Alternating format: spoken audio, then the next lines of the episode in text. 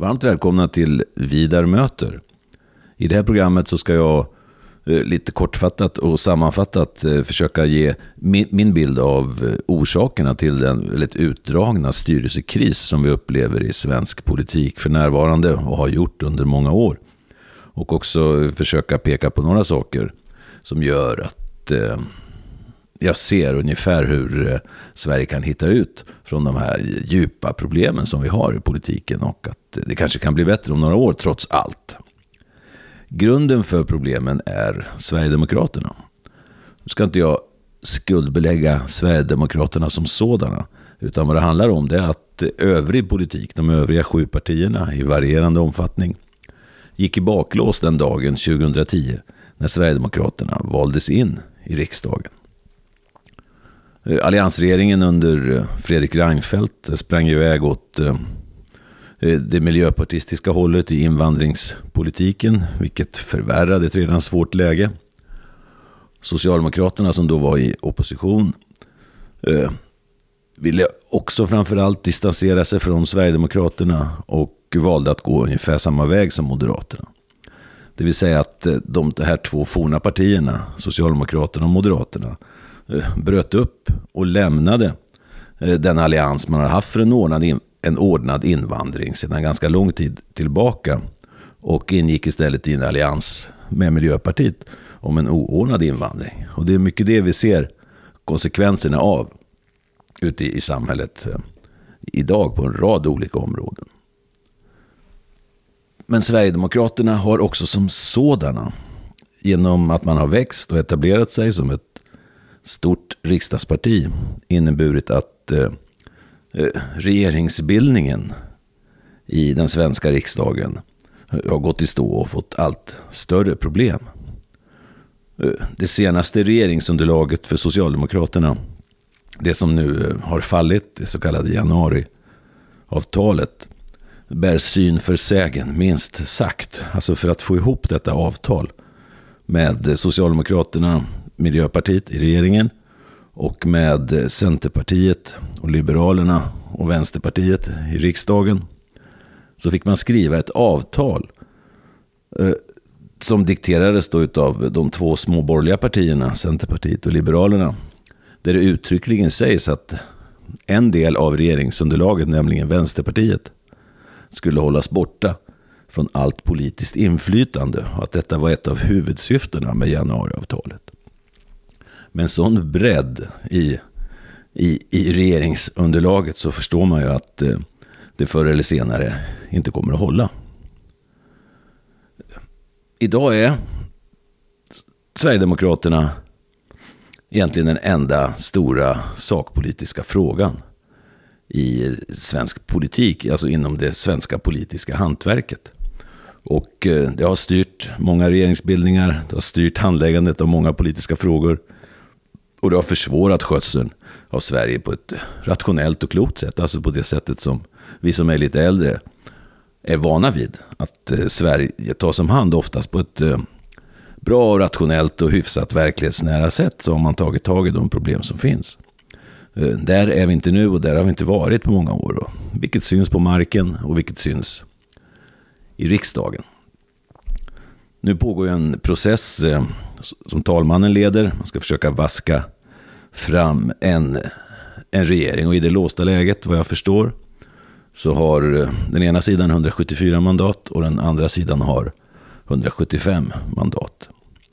Och eh, ja, hur den kommer att sluta så vill jag nog säga att det inte kommer att bli någon särskilt vettig och rationell regering. I varje fall inte på kort sikt som kommer att växa fram ur det här. Utan förhoppningen står väl till eh, nästa val det ordinarie valet eh, 2022. Då kanske väljarna ger andra förutsättningar för partierna. Och även om väljarna in, inte ger särskilt annorlunda förutsättningar så är det ändå så att eh, det som sker i riksdagen eh, borgar för eller leder tankarna till att det kan vara möjligt med en förbättring. Och hoppet står faktiskt till de två utpekade problembarnen, nämligen Vänsterpartiet och Sverigedemokraterna. Vänsterpartiet har numera en ledning som inte är kommunistisk och som eh, verkar Så som jag ser det, jag kanske är naiv och blåögd, men som jag ser det så verkar det som om Vänsterpartiet vill lämna sina 104 år av träningsmatch och evig opposition och flammande reservationer för att istället eh, försöka att påverka den riktiga politiken och kanske rent av göra sig mogen, klä sig för att kunna ingå i en regering rent av. Vi får se hur det blir med den saken, men den möjligheten finns. Och, eh, eh, eh, och Sverigedemokraterna på sin sida har i kraft med sin växande storlek gjort sig av med massa underliga positioner man har haft i olika frågor. Och gör sig nu allt mer möjlig att samarbeta med för partier som har lämnat sina bakgrunder långt bakom sig. Och till skillnad då från Sverigedemokraterna som har sina bakgrunder väldigt nära i tiden. Och eh, det här betyder att i och med att de här partierna är så pass stora, framförallt Sverigedemokraterna men också Vänsterpartiet har växt till sig, gör att eh, det kommer att påverka riksdagens eh, arbetsformer och majoritetsbygge. Jag skulle tro redan efter nästa val, eller i vart fall efter näst, nästa val. Så att vi får en mer eh, rationell regeringsbildning som speglar Sverige, som speglar svenska väljarna som speglar eh, de problem som behöver tas itu med på ett betydligt bättre sätt än vad vi har levt med nu. Alltså det här är ingen akut kris vi lever i. Det finns en akut del i och med att eh, frågan ligger hos talmannen, men det är ingen större fara på taket, utan det här är en utdragen styrelsekris som är, som är allvarlig, men där man alltså kan se Eh, lösningar menar jag på. Och eh, lösningarna bor i huvudsak i i, i Vänsterpartiet och, och Sverigedemokraterna. Om de här partierna fortsätter agera på det sätt som man har gjort nu så kommer det innebära att Moderaterna och Socialdemokraterna och deras eventuella partners av olika slag, de kommer att få anpassa sig. Man kommer att få vrida lite på sig. Man kommer att öppna sig. Och eh, man kan se en, en ganska ljus politisk framtid framför sig. Och eh, det är inte jättebråttom. Det tycker jag man kan säga. Sverige är ett stabilt land. I huvudsak vid allvarliga problem, framförallt med kriminaliteten. I natt blev en polisman ihjälskjuten i Biskopsgården i Göteborg. Våldet eskalerar hela tiden. En ofattbar gängkriminalitet. En hög eh, etnisk arbetslöshet. Uppemot 700 000 människor i den vuxna befolkningen som invandrat, som försörjs på bidrag. Och utanförskapet stärks. Jag, menar, jag ska inte förneka, vi har allvarliga problem. Men det är ett stabilt land. Vi är ingen bananrepublik i den meningen. Ekonomin är stark. Och eh, politiken har chans att eh, hinna ifatt och eh, samla ihop sig.